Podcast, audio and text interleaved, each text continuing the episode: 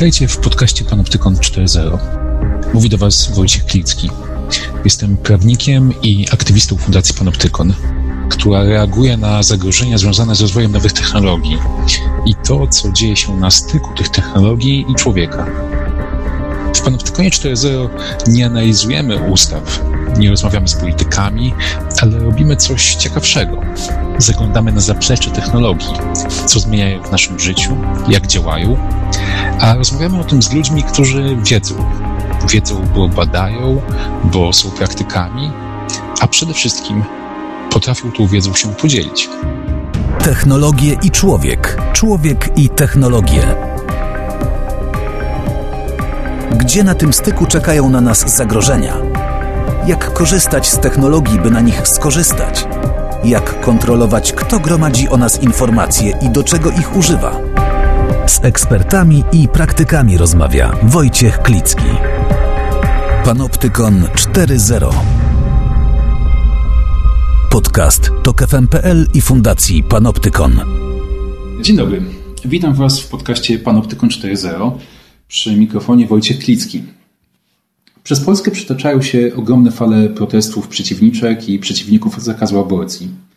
Jednocześnie przedstawiciele rządu mówią o konieczności pociągnięcia do odpowiedzialności karnej osób organizujących manifestacje przeciwko niedawnej decyzji Trybunału Konstytucyjnego.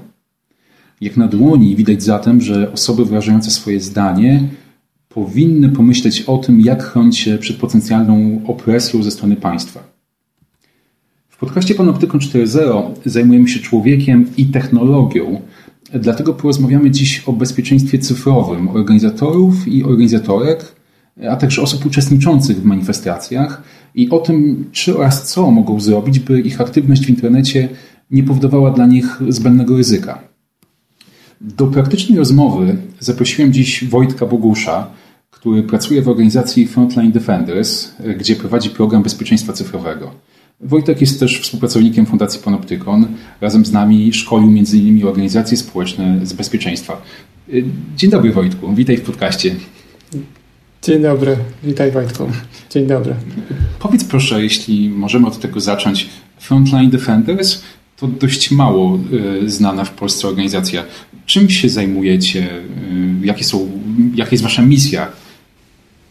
Tak, jest, jest to mała organizacja, y, organizacja, która jest zarejestrowana w Irlandii prawie 20 lat temu, ale działamy w, między, jesteśmy międzynarodową organizacją. Zapewniamy szybkie i praktyczne wsparcie bezpośrednio zagrożonym obrońcom praw człowieka i organizacjom praw człowieka na świecie. A od kilku lat coraz więcej naszych działań związanych jest z Polską. Także e, udzielamy małych grantów na poparcie, e, na e, poprawę bezpieczeństwa i, fizycznego i cyfrowego, opłacanie kosztów prawnych, sądowych, spraw przeciwko obrońcom, opłacanie kosztów medycznych. Wspieraliśmy na przykład organizacje LGBT w Polsce w poprawie bezpieczeństwa cyfrowego e, ich działań. E, w sytuacjach szczególnego zagrożenia pomagamy też obrońcom w tymczasowej relokacji. No i tak jak wspomniałeś, szkolimy, wspieramy w wprowadzeniu zmian związanych z bezpieczeństwem fizycznym, cyfrowym, właśnie na, na przykład z Panoptykonem w cyklu szkoleń bezpieczeństwo dla NGO-sów o takiej elektryzującej nazwie Bingo. E, I publikujemy też raporty o przypadkach zagrożenia bezpieczeństwa obrońców praw człowieka. Współtworzymy kampanie, które mają im pomóc i mm, zajmujemy się też rzecznictwem. Lobujemy, e, aby poprawić bezpieczeństwo obrońców na poziomie międzynarodowym, włączając to Unię Europejską i Organizację Narodów Zjednoczonych. Jesteśmy, mamy specjalny status obserwatora w E, Radzie Praw Człowieka Organizacji e, Narodów Zjednoczonych i no i poprzez kontakty dyplomatyczne. E, na przykład ostatnio w, w kontekście polskim wraz z kilkoma organizacjami opublikowaliśmy apel w sprawie trzech aktywistek oskarżonych o obrazę uczuć religijnych przez użycie wizerunku Matki Boskiej w tęczowej aureoli. Tak, no i tak, tak jak wspomniałeś, ja prowadzę w Frontline Defenders działania związane z bezpieczeństwem cyfrowym, także koordynuję pracę E, jestem częścią zespołu, takiego małego zespołu ekspertów, trenerów e, bezpieczeństwa cyfrowego e, rozsianych po świecie. Sam fakt, o którym wspomniałeś, że od kilku lat zajmujecie się tematami, czy tym, co się dzieje w Polsce, to, to samo w sobie jest już niepokojące. No ale w gruncie rzeczy chyba nie ma się co dziwić, no bo jakby przenosząc to wszystko, o czym powiedziałeś na grunt tu i teraz y, w Polsce, no to ja chciałem zacząć od cytatu. W państwie prawa nie może być zgody na łamanie prawa. Wszyscy prokuratorzy w Polsce mają traktować organizatorów nielegalnych zgromadzeń jak przestępców. Będą stawiane zarzuty, będzie grozić im nawet do 8 lat więzienia w związku z narażeniem na utratę życia e, lub zdrowia, bo sytuacja z epidemią jest poważna. I to jest wypowiedź e, wiceministra sprawiedliwości Michała Wosia, który w ten sposób skomentował no, kolejne dni protestów przeciwko zakazowi aborcji w Polsce. No, na razie dostajemy pierwsze takie pojedyncze sygnały o pojedynczych zatrzymaniach, między innymi 14-latki w Olsztynie, która była zaangażowana w organizację demonstracji. No, z perspektywy prawnej te wypowiedzi są skandaliczne. Protesty są legalne, bo żadna ustawa ich nie zabroniła, a nie można tego zrobić rozporządzeniem. E, poza tym znaczna część tych protestów miała spontaniczny charakter. Jednak to jest tylko moja opinia, opinia co prawda prawnika, ale też aktywisty, a to władza dysponuje aparatem przymusu. No i moje pytanie jest takie, czy z Twoim doświadczeniem działa, działacza organizacji, która patrzy na zagrożenia dla obrońców praw człowieka globalnie e, w ramach Frontline Defenders, uważa, że to już ten, jest ten czas, w którym powinniśmy się bać władzy i świadomie podejmować działania, by się chronić przed potencjalną represją, która może nam, nam z jej strony grozić?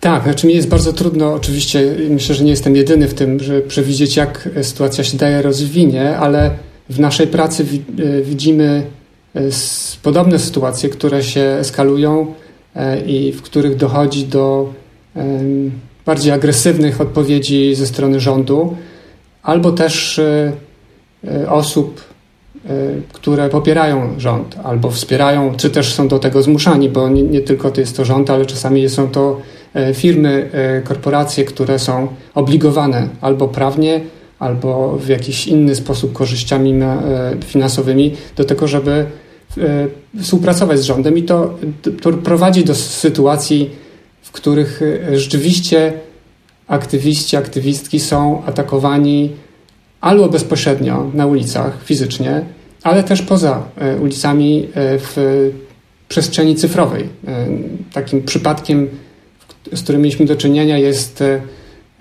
jest są marsze, które były organizowane w Azerbejdżanie i, i aktywistka, która, organizatorka tych marszów, które były wokół, one były organizowane, o ile dobrze pamiętam, wokół Dnia Kobiet w marcu tego roku. Po tych e, demonstracjach przeciwnicy e, i konta e, mailowe i mediów społecznościowych zostały po prostu przejęte przez hakerów. I pewien proces dochodzenia, z, z jak to się stało, jaka, jaka była procedura, jak, jaka, jaka to była sytuacja, prowadzi do tego, że byli to hakerzy związani z rządem, więc to są przykłady, które mm, dają dużo do myślenia, e, że sytuacja się może eskalować nie, nie tylko fizycznie, ale właśnie też cyfrowo. No i jest też cały przykład e, wystąpień protestów e, na Bliskim Wschodzie i w Północnej Afryce, który też daje dużo do myślenia. Ja oczywiście nie wiem, czy mam nadzieję, że nasza sytuacja w, w naszym kraju się nie przerodzi w, w, coś takiego, w tak bardzo agresywną i bezwzględną e, odpowiedź ale jest, zdecydowanie jest tak, że jest, jest taka możliwość. E, widzimy też e, w, w mowie, w języku używanym, w postawie rządu, że e, nie jest to, przynajmniej nie, nie, nie, nie ze strony wszystkich, nie jest to postawa otwarta na negocjacje, na kompromis, na ugodę, tylko raczej dążenie do pełnego zwarcia i zachęcanie do tego, żeby walczyć za wszelką cenę. I ta wszelka cena jest tutaj niepokojąca bardzo. No tak, myślę, że tutaj zgodzilibyśmy się co najmniej co do tego, że eskalacja nie jest wykluczona. Nie wiemy i pewnie obaj liczymy na to, że do niej nie dojdzie, no ale na chwilę, właśnie na potrzeby naszej rozmowy o bezpieczeństwie aktywistów, organizatorach protestów e, w internecie, załóżmy, że e, sytuacja pójdzie w złym kierunku. No i teraz tak naprawdę to jest taka myśl, która może spowodować pewien paraliż. Taką, takie myślenie, że ja nie wiem, co z tym fantem zrobić. Ale to może w takim razie zacznijmy od samego początku.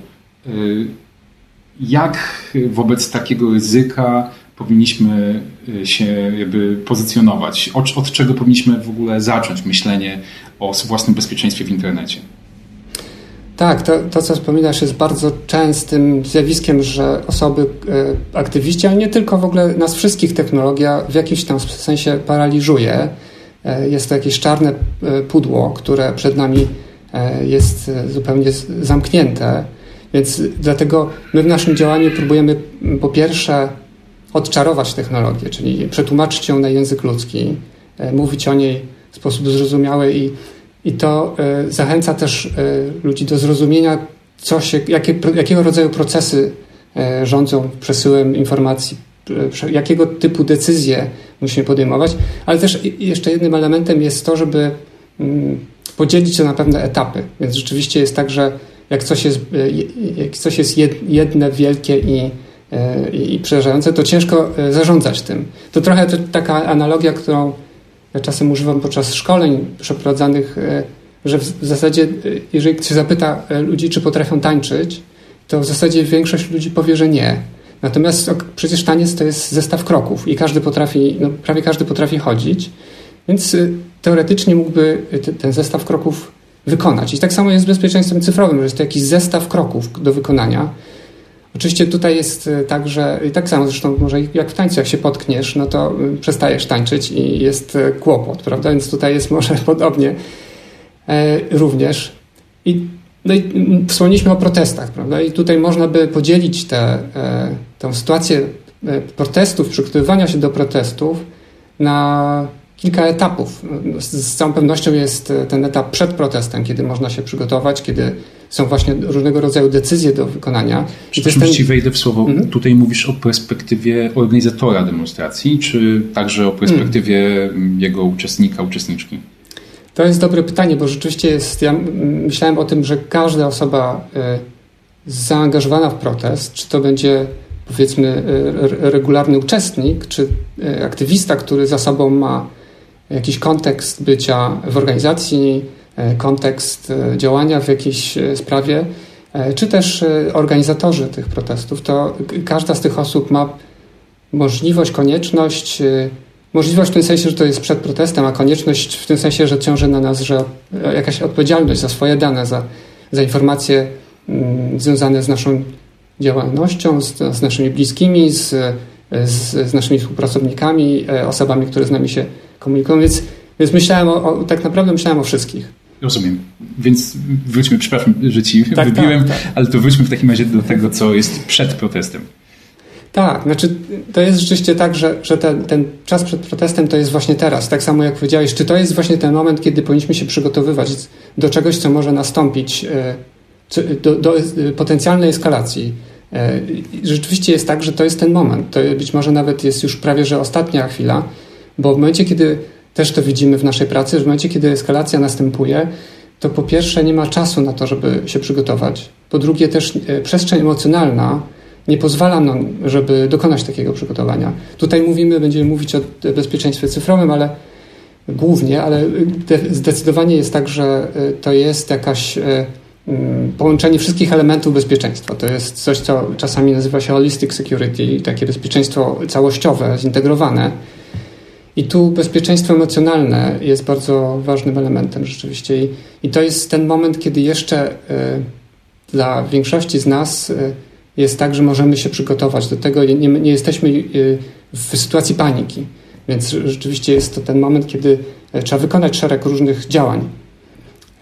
I jedno z tych działań to jest może oczywiste, ale jedno z tych działań to jest rozpoznanie E, kim jesteśmy? Właśnie to, co powiedziałeś, czy jesteśmy regularnymi uczestnikami, czy jesteśmy organizatorami, czy jesteśmy jakiś, czy mamy jakąś inną rolę. I, bo to, jaką rolę mamy, w, definiuje też stopień zagrożenia. E, no i zdecydowanie też dobrze się zastanowić, kto jest dla nas zagrożeniem. Prawda? Wspomnieliśmy o, o rządzie, ja wspominałem też o różnych innych e, podmiotach E, elementach tego zagrożenia, czy też o firmach e, komercyjnych, na przykład, nie wiem, o e, operatoru, operatorze sieci komórkowej, czy też o firmach, które przechowują nasze dane. Kto jest zagrożeniem tutaj dla nas? Czy może są to bojówki, które chcą na przykład skraść nam urządzenie, czy też włamać się na konto, odsłonić naszą prawdziwą tożsamość, albo też przeniknąć i zbadać sieć połączeń, sieć powiązań, strukturę naszego środowiska E, czy też e, naszą organizację. Więc tutaj dobrze mm, zastanowić się, kto, kto to zagrożenie powoduje. No i oczywiście dobrze jest też, e, zapraszamy do takiego działania zawsze, jak zaczynamy współpracę z aktywistami, też zobaczyć, rozpoznać, gdzie jest nasza informacja, jakiego typu urządzenia są w naszym posiadaniu, jakich urządzeń, z jakich urządzeń korzystamy, z jakich serwisów korzystamy, E, jaki jest stan tych urządzeń, taki w sensie fizyczny, ale też, e, czy, oczywiście możemy z nich korzystać, ale też w sensie, e, czy one, jaki, jak, jakie oprogramowanie jest, czy to oprogramowanie w jakimś sensie stwarza problem, czy jest źródłem ryzyka dla nas. Więc tutaj to rozpoznanie jest kluczowe i często ono prowadzi do tego, żeby zastosować takie rozwiązania albo inne rozwiązanie w E, w zależności od tego właśnie, od tych wszystkich pytań, które, e, na które dobrze sobie odpowiedzieć i z odpowiedzi na te pytania wynika, co, co możemy, powinniśmy, co jest najlepiej dla naszego, e, dla nas i dla naszego środowiska zrobić, w jakie rozwiązanie wprowadzić. Mhm. Czyli rozumiem, że tak sprowadzając to na grunt uczestników i uczestniczek dzisiejszych demonstracji, muszą się, czy powinni zastanowić się nad tym, E, jakby trochę jakby też skąd przychodzą, bo mnie, e, kiedy przygotowałem się do tej rozmowy, uderzyła taka informacja na temat tego, że Ministerstwo Edukacji Narodowej teraz w jakiś sposób próbuje, mówiąc kolokwialnie, namierzyć nauczycieli, dyrektorów szkół, którzy brali udział w protestach, ewentualnie zachęcali do tego e, uczniów pod, jakby w celu pociągnięcia czy wyciągnięcia względem nich jakichś, e, jakichś konsekwencji. To rozumiem, że taki, taka analiza dotycząca mojej jako uczestnika szczególnej sytuacji, e, też jakiejś podległości, e, też powinna być elementem tej analizy. Dokładnie. Dokładnie tak. To jest, no właśnie, to jest ten moment, kiedy już te, te decyzje, kogo będziemy chcieli śledzić i dlaczego już one są podejmowane, więc rzeczywiście y, to jest y, najwyższy czas, żeby, żeby się zabezpieczyć, przeanalizować naszą sytuację. I to, to, że na przykład regularny uczestnik był na proteście, no to oczywiście jest tak, że jeżeli zabrał ze sobą komórkę, która jest przypisana do mm, jego imienia i nazwiska poprzez kartę SIM, którą kupiliśmy, okazując dowód tożsamości, no to w pewnym sensie daliśmy dostęp do e, informacji o tym, że uczestniczyliśmy w tych protestach poprzez sam fakt zaniesienia tam swojego telefonu. oczywiście e, można tutaj powiedzieć, że to już się stało i, i nie, nie, można tego odwrócić, no ale będzie najprawdopodobniej te protesty będą trwały, bo nie widać właśnie, tak jak żeśmy wspomnieli wcześniej, e, możliwości osiągnięcia kompromisu. Więc na pewno jest tak, że warto jest zadbać o, o to, co będzie się działo w następnych e, tego typu protestach. Więc tutaj regularny uczestnik, ale też aktywista, czy też organizator. No, organizator może mniej, bo organizator, tożsamość organizatora jest jasna i jego rola jest jasna i jego związek z, z protestami jest jasny, ale tutaj jest taki element zastanowienia się, czy chcemy brać ze sobą to urządzenie, które używamy codziennie. Z racji śledzenia poprzez sam fakt, że idziemy z telefonem i wie, że e, anteny e, sieci telefonii komórkowej po prostu wiedzą, że jesteśmy w tym, a nie innym regionie, e, że nasz telefon przemieszczał się powoli taką, a nie inną trasą. To śledzenie nie jest bardzo dokładne, ono ma pewien, pewien duży margines błędu, ale z samego poruszania się tego telefonu można wywnioskować i też bycia tam, ani, ani, ani gdzie indziej o określonej porze, można wnioskować, że raczej uczestniczyliśmy w proteście, a nie odwiedzaliśmy kogoś w, w tym miejscu. No to prawda. Więc tu można się zastanowić, czy, czy, czy kupujemy nowy telefon, z, czy zabieramy w ogóle telefon, czy używamy e, jakiegoś innego numeru, który potem na przykład skrzętnie go w jakiś sposób po protestach niszczymy i nie używamy więcej i to może zapewnić nam mniejsze prawdopodobieństwo dowiedzenia się, że, to byliśmy, że my byliśmy na tych protestach. O tym, że telefony komórkowe jakby generują te informacje o lokalizacji, no to w pan, nawet w podcaście Panoptykonu e, mieliśmy okazję kilkukrotnie rozmawiać nie tylko o tym, że tą, e, że tą informację generują, ale też o tym, że wiele uprawnionych instytucji ma do nich niekontrolowany, łatwy dostęp i faktycznie pozyskiwane informacje o, o, tym, do kogo dzwoniono z danego telefonu i informacje o lokalizacji, to są, pozyskiwane są milion czy ponad milion razy e, w skali roku przez policję i, i inne służby. No ale z jednej strony można pomyśleć, czy ty jakby w tym kierunku szedłeś, żeby tę, tą informację o lokalizacji chronić, ale czy rzeczywiście za każdym razem wynik tej analizy przeprowadzonej przed protestem powinien doprowadzać do tego, że jednak nie biorę telefonu, no bo chyba są jakieś, jakieś argumenty wskazujące na to, że ten telefon warto wziąć, zwłaszcza jeżeli przypuszczamy, że na miejscu e, może dojść do jakichś fizycznych zagrożeń i wtedy ten telefon może być na wagę złota. Dokładnie. To nigdy nie są mm, sytuacje, które, albo prawie nigdy nie są sytuacje, gdzie wybór jest e, taki jasny, czarno-biały. Tutaj rzeczywiście jest tak, że negocjujemy pewną sytuację ryzyka. E, ja bym pewnie namawiał do tego, żeby nie brać ze sobą telefonu, który, którego się używa na co dzień. Właśnie z tego powodu, że on jest naszym telefonem przypisanym do nas, używanym codziennie, e, dlatego że ma na sobie też bardzo dużo informacji. Jeżeli zostanie skradziony, szczególnie jeśli nie jest dobrze y, dostęp do niego chroniony, to może być to powodem wycieku y, informacji o nas albo o naszych bliskich. Więc to y, nie branie tego telefonu jest chyba dobrym rozwiązaniem. Tak jak wspomniałeś, dobrze jest wziąć ze sobą jakieś urządzenie komunikacyjne, dzięki któremu możemy opracować jakiś protokół bezpieczeństwa, prawda, na wypadek, gdyby coś się stało, nawet gdybyśmy się zgubili, prawda, naszej grupie, z którą żeśmy poszli na demonstrację i która stanowi zaplecze bezpieczeństwa dla nas, to opracowanie tego protokołu komunikacyjnego, co robimy, gdzie się spotykamy, jak się zgubimy, jak się komunikujemy, też jest bardzo ważne. Oczywiście jest tak, że tutaj też jest tak, że branie telefonu jest y, y, ważnym elementem dokumentowania pewnych zdarzeń, więc y, też ważnym, e, ważną funkcją tego telefonu może być to, że robimy zdjęcia i e, kręcimy e, filmy, które potem świadczą o tym, co się działo podczas protestu i dokumentują e, różnego rodzaju zdarzenia. Tutaj też znowu jest to sytuacja,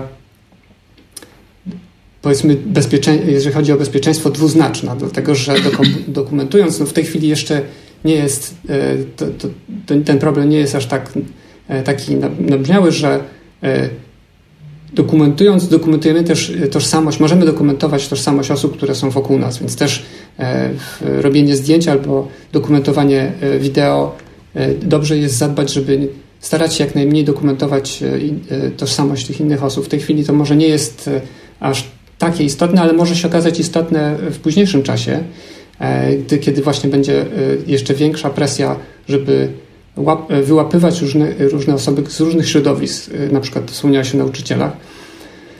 E, I to, I to może być bardzo ważne. To, y, oczywiście czas pandemii to jest, y, nam sprzyja również z tego powodu, że możemy zasłaniać część twarzy, czy też musimy nawet zasłaniać, ale cały czas jest tak, że po tej pozostałej części twarzy można też w algorytmy rozpoznawania twarzy stają się coraz bardziej efektywne i można też w podcaście Panoptykonda też żeście rozmawiali o tym, wiem, o tym słuchałem. Natomiast jest tak, że coraz więcej można wyczytać właśnie tylko z, z fragmentu twarzy i określić tożsamość. To też jest, więc świadome zdecydowanie, y, że publikuję zdjęcia, które na przykład są, albo publikuję wideo, które jest y, zredagowane, których ta tożsamość jest usunięta, też jest pewną decyzją bezpieczeństwa. Rozumiem. Mówiłeś o tym, o tej liście rzeczy czy wyzwań, pytań, jakie musi sobie zadać uczestnik bądź organizator demonstracji jeszcze przed pójściem na nią. I takim podstawowym pytaniem, jakie mi się w tym kontekście nasuwa, jest to, że dzisiaj głównym medium czy kanałem komunikacji uczestników zgromadzeń jest Facebook.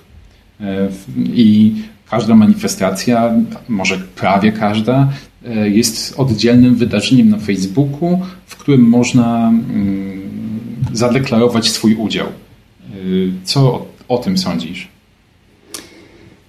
Tak, znaczy, jeżeli rzeczywiście jest tak, że udział w takiej demonstracji nam nie zagraża i jeżeli jesteśmy pewni, że w przyszłości, niedalekiej przyszłości deklaracja udziału w takiej manifestacji nam nie zagrozi, no to, to jest to dobry, e, prawdopodobnie jest to dobra decyzja, dlatego że to skłania, e, jeżeli wierzymy w zasadność tych protestów, skłania inne osoby do tego, żeby e, pójść na, na taki protest, bo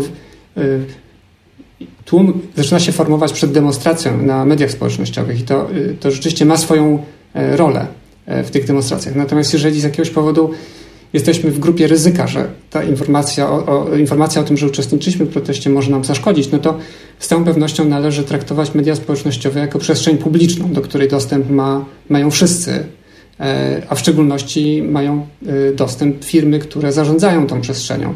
Więc nawet jeżeli e, zgadujemy się na pewnego rodzaju działania podczas protestów, przygotowujemy się do protestów na w mediach społecznościowych, to to nie są kanały, które zostały stworzone z myślą o tym, żeby to była komunikacja mm, prywatna. A szczególnie nie są to kanały stworzone do komunikacji e, informacji wrażliwej.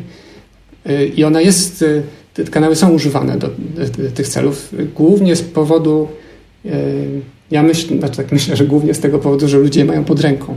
Po prostu ma, już są na nie zalogowani i wiadomo, jak się je obsługuje. Wszyscy tam są, więc nie trzeba wkładać żadnego wysiłku, żeby stworzyć e, w cudzysłowie tajną grupę, która, e, do której ma dostęp oczywiście e, właśnie firma, która zarządza tą przestrzenią, a pośrednio być może przez ten dostęp może ta firma być zobligowana do tego, żeby ujawnić te informacje na przykład na wezwanie sądu, który jest z kolei w takim a innym kontekście politycznym. Więc to w rezultacie może się okazać, że do, tego, do tej informacji mają może post factum, po demonstracjach mają, ma dostęp e, też e, jakaś grupa stanowiąca, wywierająca ryzyko na nas.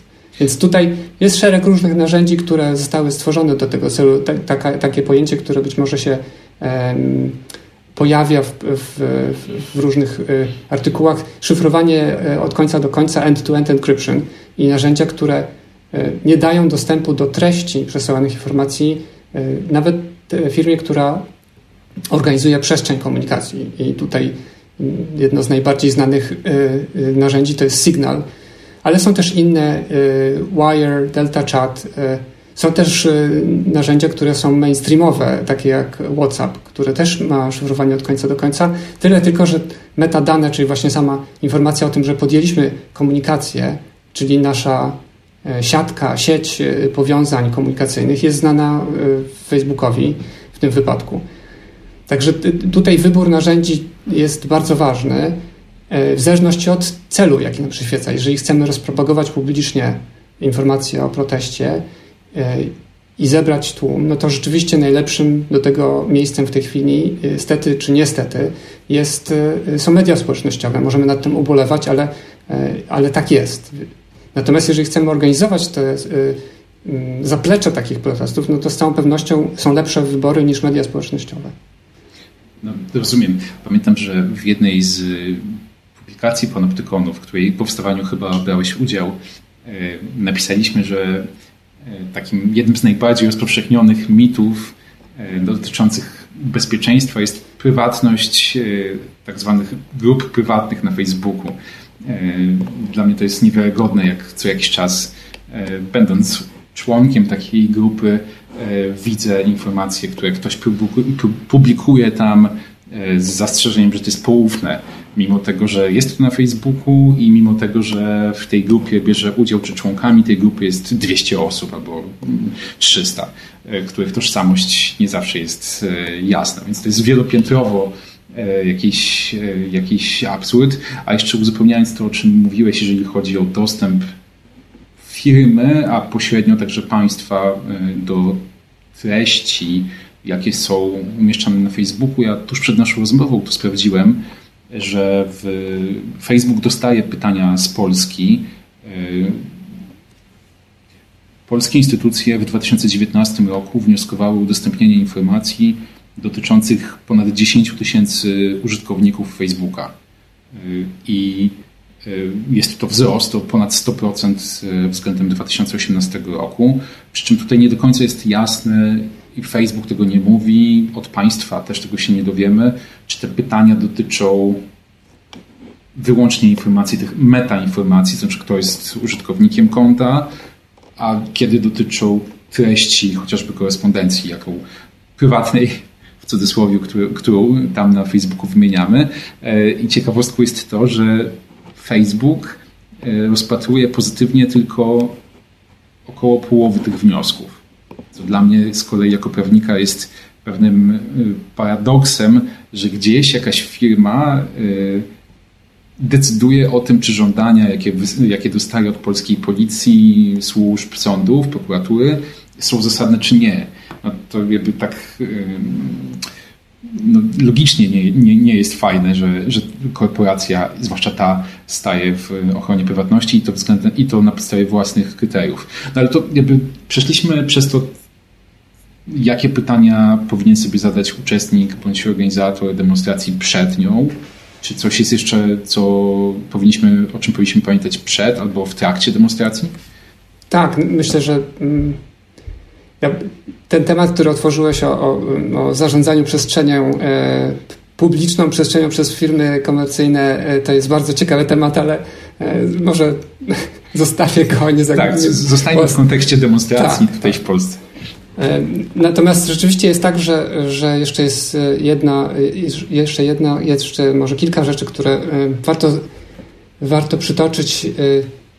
Jeżeli zastanowimy się, co się może zdarzyć w trakcie demonstracji, to jedna z opcji, jedna z sytuacji, która się zdarza w przypadku aktywistów, z którymi mamy kontakt w innych krajach i prawdopodobnie może się będzie zdarzać w naszym wypadku, jest zatrzymanie i konfiskata E, urządzenia. Jedna z, jedna z rzeczy, która jest e, absolutnie na porządku dziennym w innych krajach, e, to pierwsza rzecz po zatrzymaniu osoby to, to jest żądanie zdeponowania urządzenia komunikacyjnego, czyli telefonu.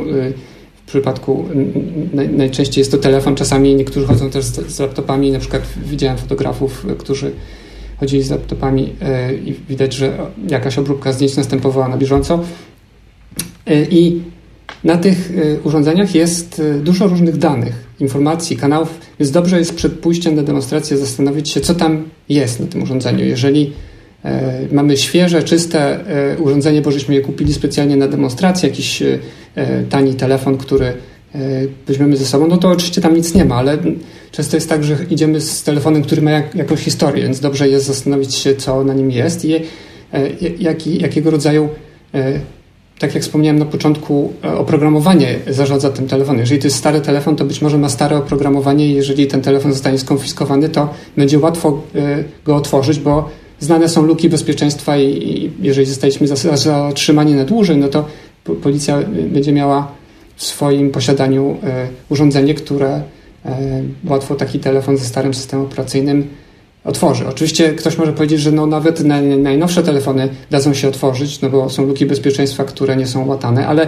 y, jest to, ta możliwość staje się dużo bardziej kosztowna i może się tak zdarzyć, że koszt i, i czas, który policja będzie miała na to, przewyższy po prostu to, co mają w, w zasięgu ręki, więc może się okazać, że to nas ochroni. Oczywiście tutaj posiadanie dobrego hasła na urządzeniu jest też bardzo e, istotny.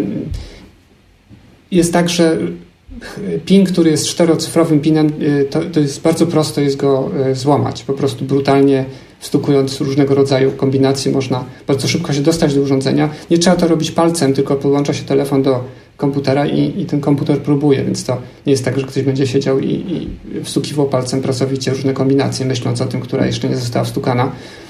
E, te czasy minęły. E, I też trzeba się zastanowić nad danymi biometrycznymi. To też pewnie ty wiesz lepiej, jak, jest, jaka jest litera prawa, jak te dane biometryczne są wykorzystywane, jak, czy, czy jest potrzebna zgoda osoby, żeby je zastosować, ale zdecydowanie z, technicznych, z technicznej strony tego zagadnienia, tego tematu jest, one biometryczne za E, zablokowanie urządzenia danymi biometrycznymi, czyli odciskiem palca albo, albo wizerunkiem naszej, naszej twarzy jest, e, jest, jest gorszym zabezpieczeniem. Można e, otworzyć je urządzenie bez naszej zgody, na przykład przykładając na siłę palec do telefonu. Jest to oczywiście wygodne, jak możemy to zrobić, ale jest zdecydowanie technicznie to mniej bezpieczne. I, I taka ostatnia rzecz, którą wspomnę, to jeżeli nasz telefon zostanie ukradziony albo skonfiskowany, no to rzeczywiście dobrze było, żeby on był szyfrowany, prawda? Czyli pamięć tego urządzenia e, w, zarówno w Androidzie, jak i w e, iOSie, na iPhone'ach jest opcja w systemie do szyfrowania e, telefonu. W iOSie, na iPhone'ach ona się włącza automatycznie, w Androidzie jeszcze trzeba wykonać jakieś ustawienie, ale to jest dość proste odnaleźć E, szyfrowanie w telefonie. Warto zwrócić może uwagę, że karty, e, zewnętrzne karty pamięci raczej nie są szyfrowane. Jeżeli mamy taką i na przykład zgrywamy zdjęcia na karcie pamięci, no to może się okazać, że one nie są szyfrowane i to, e, to może też być niebezpiecznym elementem niebezpieczeństwa. Czyli takie brutalne wtedy wyjęcie po prostu tak. karty pamięci z telefonu, bez względu na to, w jaki sposób ten telefon jest zabezpieczony, mm, pozwala uzyskać dostęp do tego, co na tej karcie się znajduje no to rzeczywiście bardzo takie, taki zimny prysznic dla, dla tych, którzy mają kilkucyfrowe e, hasło. E, nawiązując do tego, co ty powiedziałeś dotycząc e, w sprawie biometrycznego zabezpieczenia mm, telefonu, faktycznie jest tak, że wspieram to, co powiedziałeś. Ty powiedziałeś od strony technicznej, że to, że to jest mniej bezpieczne, od strony prawnej także, ze względu na fakt, że hasła czyli tego tam cyfro, wielocyfrowego PIN-u można po prostu nie podać, a odcisk palca policja ma prawo od, od osoby zatrzymanej pobrać, a potem do czegoś może go wykorzystać. Czyli rozumiem, że konkluzja, jeżeli chodzi o ten mm, punkcik, jest taka, żeby zainstalować sobie, czy ustawić e, nie cztero, tylko dajmy na to sześciocyfrowe e, hasło, bo to wielokrotnie mm, utrudnia dostęp do przejętego telefonu. Okej, okay, no to, tak, to jest tak. chyba coś, co ja każdy z nas może zrobić. się, że 8, cyfra 8 tu jest e, lepsza niż 6 e, i, i tak dalej. Znaczy oczywiście im dłuższe jest to hasło, tym ono jest e, silniejsze, ale też jest mniej wygodne dla nas, więc musimy osiągnąć jakiś kompromis z naszym poczuciem bezpieczeństwa, ale też naszym poczuciem otwartości na to, żeby takie hasło wprowadzać. No ja tutaj może nie wiem, czy powinienem o tym mówić, ale zdradziłem się jako osoba, która ma sześciocyfrowe hasło, jako ten kompromis, który ja sam ze sobą zawarłem, jako jakiś gdzieś złoty środek pomiędzy właśnie bezpieczeństwem, a no jednak wygodą. No ale to mamy rzecz przed y, demonstracją, o czym no powinniśmy tak. pamiętać w trakcie. No właśnie w trakcie to już trochę wspomniałem, że robienie zdjęć i, i uwiecznianie, dokumentacja innych jest, może być e, elementem związanym z bezpieczeństwem. E, no oczywiście jest tak, że dla wielu osób jest zadbanie, żeby nie stracić zdjęć, więc tutaj jest, jest taki element i żeby być może niektórzy decydują się, żeby synchronizować te zdjęcia do chmury.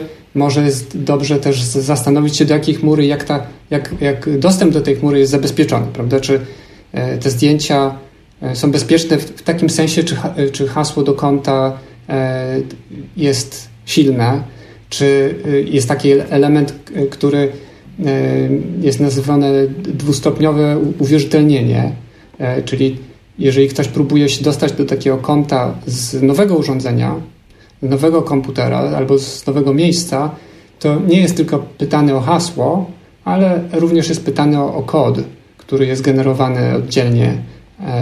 Albo tutaj niektórzy mogą się decydować na to, żeby taki kod dostawać SMS-em, ale to znowu wiąże się z pewnym y, dodatkowym niebezpieczeństwem, no bo SMS, o dostęp do SMS-u jest y, w szczególności operator sieci komórkowej ma całkowity dostęp do takich SMS-ów. No i tu można sobie wyobrazić, że wszyscy przyjaciele tego operatora albo ci, którzy mogą go zobligować do tego, żeby taki dostęp zaoferować, też będą mieli do takiego SMS-a dostęp. Więc można tutaj wyobrazić sobie taki scenariusz, że naszego konta chroniącego chmurę z naszymi e, zdjęciami z manifestacji, czy też z innymi informacjami, które e, to nie musi być konto też e, tylko związane z manifestacją, ale może to być konto, na którym jest dużo więcej informacji, więc tutaj zarządzanie tymi zdjęciami z, z manifestacji od razu nam mm, w pewnym sensie wyciągamy całą całość bezpieczeństwa cyfrowego na siebie, czyli to opieka nad kontami, zabezpieczenie kont. E, więc w trakcie oczywiście demonstracji też jest dobrze zastanowić się, w jaki sposób e, używamy urządzeń, czyli w jakich sytuacjach, w jakich kontekstach, e, w jakich. To, to jest już bardziej bezpieczeństwo fizyczne niż cyfrowe, ale utrata urządzenia najczęściej jest jakoś aranżowana. Ktoś nas manipuluje, żeby, żeby, żeby nam skraść urządzenie, albo po prostu wynika to z naszego niebezpiecznego zachowania. Na pewno, na pewno jest dużo elementów e, takich sytuacyjnych tutaj, o których ciężko jest e, wspomnieć, e, bo one, one wynikają z pewnego kontekstu zdarzeń. Natomiast chciałem wspomnieć jeszcze, że po demonstracji jest, jest ten cały element przygotowywania dokumentacji. Tutaj jest ten, ten moment, o którym też wspomniałem, o, o obróbce zdjęć, o tym, żeby zadbać o to, żeby nie mieszać wizerunków innych osób, szczególnie kiedy nie wiadomo, czy dla tych osób jest to bezpieczne. E, I skazujemy ich, e, te osoby na to, że może zostaną automatycznie e, przypisane do zdjęcia. Znowu algorytmy rozpoznawania twarzy tutaj się kłaniają i one są obecne. Można po prostu przypisywać osoby do zdjęć automatycznie. No właśnie. Czyli mamy, mamy jakąś listę tych pytań, które powinniśmy sobie zadać przed, wyzwań, które stoją przed nami w, w trakcie. Jeszcze tak mnie kusi, żeby zadać takie ogólne pytanie, być może ono wielu słuchaczom się pojawi w trakcie słuchania naszej rozmowy. Czy istnieje możliwość, żeby w pełni, żeby zmaksymalizować, zwiększyć może do 100%, może do 99% E, szansę na to, że nasz udział w demonstracji będzie nie do um, odszukania. Czy to dla Ministerstwa Edukacji Narodowej, które mnie szuka jako nauczyciela, czy dla policji, która uzna, że jednak to było y, wykroczenie czy przestępstwo, czy to mhm. jest tylko gra w to, żeby, żeby tą, tak, tak, trochę tak w kotka i myszkę, żeby, żeby zadanie utrudnić. Tak, tu rzeczywiście jest y, zdecydowanie w dobie współczesnych urządzeń cyfrowych jest to coraz trudniejsze, bo właśnie tak jak żeśmy wspomnieli na samym początku, no, biorąc telefon z kartą SIM ze sobą e, i ta karta SIM, jeżeli jest zarejestrowana na nas, no to jesteśmy już w pewnym sensie e, już jesteśmy zarejestrowani w, w obrębie tego wydarzenia. Oczywiście możemy e, namówić kogoś, wziąć czyjąś kartę SIM, kto zdecydowanie będzie miał alibi na to, że nie był na takiej demonstracji, to już jest działanie, to już jest prawda, inna strategia. Natomiast można też wziąć telefon, który e, nie będzie miał karty SIM, ale wtedy nie możemy e, się porozumiewać w trakcie demonstracji. Więc jest bardzo trudne tak kompletnie wykluczyć możliwość e, wyśledzenia, że byliśmy, chyba że właśnie zdecydujemy się nie, nie zabierać ze sobą urządzenia, które nadaje i odbiera. Więc to, to jest, a to jest trudna decyzja ucinamy sobie możliwość komunikacji łatwej. Oczywiście w ramach różnych protestów e, w różnych miejscach na, na, na świecie były e, rozwiązania pośrednie, czyli na przykład były e, osoby brały telefony bez kart SIM, natomiast organizatorzy czy też osoby uczestniczące organizowały zbiorczy dostęp do internetu poprzez takie huby przenośne urządzenia dostępu do internetu i korzystało się z tego internetu i komunikowało się w ramach właśnie e, takiego rozwiązania, czyli nie, nie było się identyfikowanym. E, nie widziałem takiego rozwiązania w Polsce. E, innym rozwiązaniem jest rozwiązanie używania takiej sieci mesh, takiej sieci, no, powiedzmy, organizowanej na bieżąco, oddolnie raczej niż scentralizowanej sieci komórkowej, czyli telefony się ze sobą łączą bezpośrednio, nie za pomocą telefonii, operatora telefonii komórkowej. I to też jest pewien, pewien sposób na to, żeby nie zostawać po sobie śladu. I, I, znowu gdzieś w którymś miejscu jest wyjście z, z, tej lokalnej sieci, którą tworzą telefony wszystkich uczestników, czy też tych uczestników, który, którzy zdecydowali się w takim rozwiązaniu uczestniczyć. I gdzieś jest y, y, połączenie z siecią zewnętrzną, z internetem. Ktoś ma y, właśnie kartę SIM, jakiś telefon, czy jakieś urządzenie pełni rolę mostu pomiędzy tą siecią oddolnie zorganizowaną, a internetem zewnętrznym. No to, to fascynujące, że można, że można w taki sposób to, to jakby zabezpieczyć ten wątek.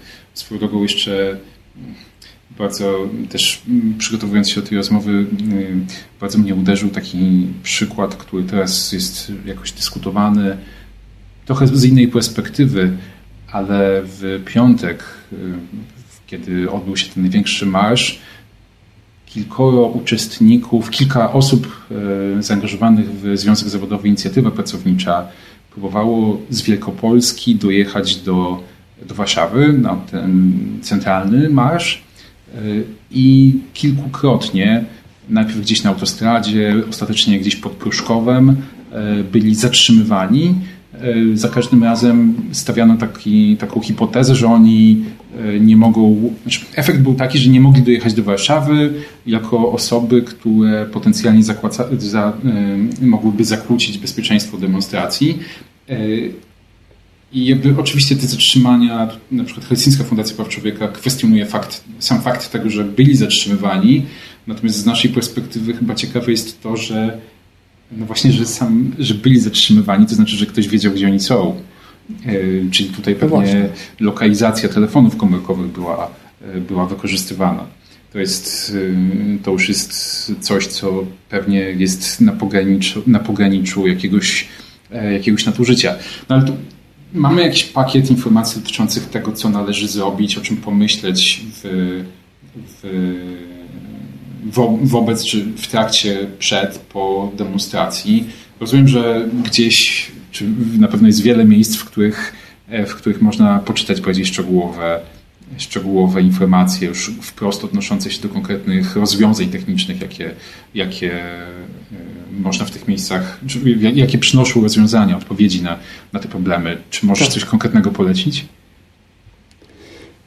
Tak, tak. Jeszcze przyszło mi, jeszcze w, cofnę się od, od Chyba, że właśnie coś pominąłem. Tyłu, bo tak. przyszło mi do głowy, że zapomniałem wspomnieć, e, zanim, zanim podam te odnośniki, że, że jest też taki kontekst e, przygotowywania się do e, demonstracji, który wynika z ochrony tożsamości własnej, ale też właśnie to, to co wspomniałeś, tak zastanawiałem się, czy te osoby, które jechały do Warszawy, czy przypadkiem one na przykład nie napisały na mediach społecznościowych, że jadą do Warszawy.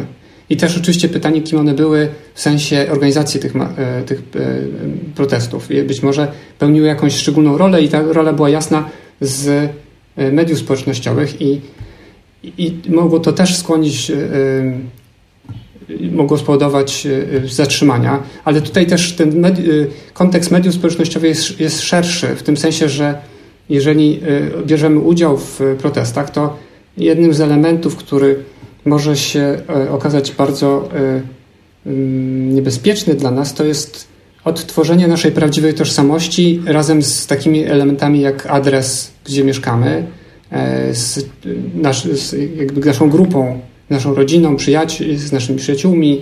E, I to bardzo często może wynikać z tego, co publikujemy o sobie e, w mediach społecznościowych. I, no i kto ma do tego dostęp? Więc to, to też taki jest element przygotowywania się do tej sytuacji protestów i naszej roli, naszego udziału w nich.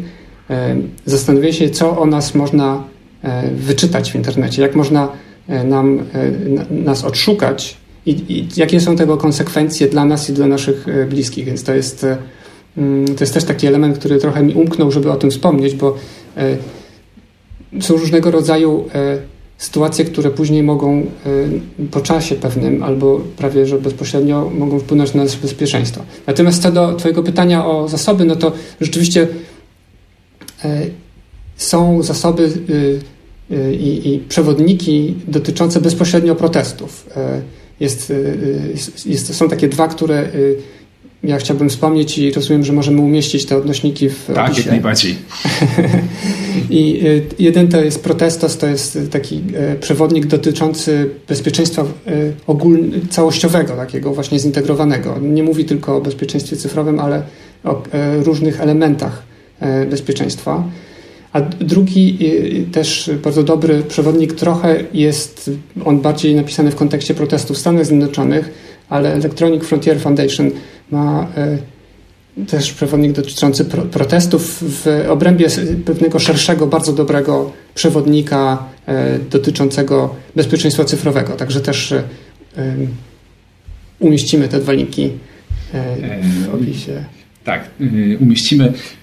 Przyznam, że myślałem, że uda nam się porozmawiać jeszcze o takim bezpieczeństwie, o jakim powinniśmy myśleć na, na co dzień dotyczącym komunikacji, ale mam takie poczucie, że i tak liczba, e, liczba pytań i, i rzeczy, jakie wypadałoby, czy dobrze byłoby zrobić e, po odsłuchaniu tej rozmowy dotyczącej bezpieczeństwa cyfrowego wokół protestów jest już tak duża, że tą drugą częścią y, może nie będziemy jeszcze przytłaczać słuchaczy.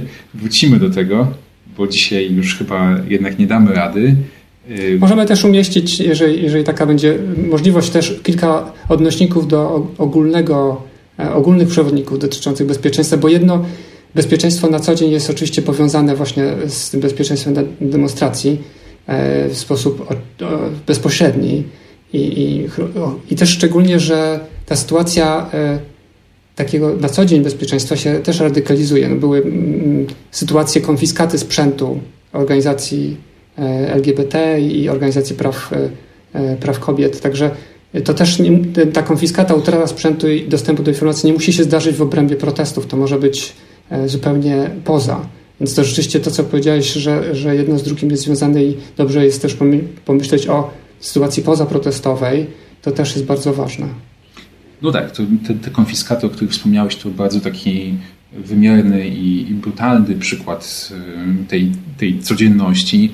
Innym przykładem tej codzienności jest też to, o czym mówiłeś, to znaczy to, że jeżeli na co dzień jesteśmy facebookowymi ekshibicjonistami, to później fakt tego, że bierzemy udział w demonstracji może być dla nas, i że na Facebooku to jakoś odznaczyliśmy, może być dla nas znacznie bardziej kosztowny w pewnym sensie niż, e, niż dla osoby, która poza kliknięciem, że bierze udział w tej demonstracji na Facebooku nie umieszcza swoich zdjęć e, i, tym, i prowadzi taki dość ascetyczny e, typ życia, jeżeli, jeżeli chodzi o, o ten portal, do czego zresztą absolutnie, absolutnie zachęcam.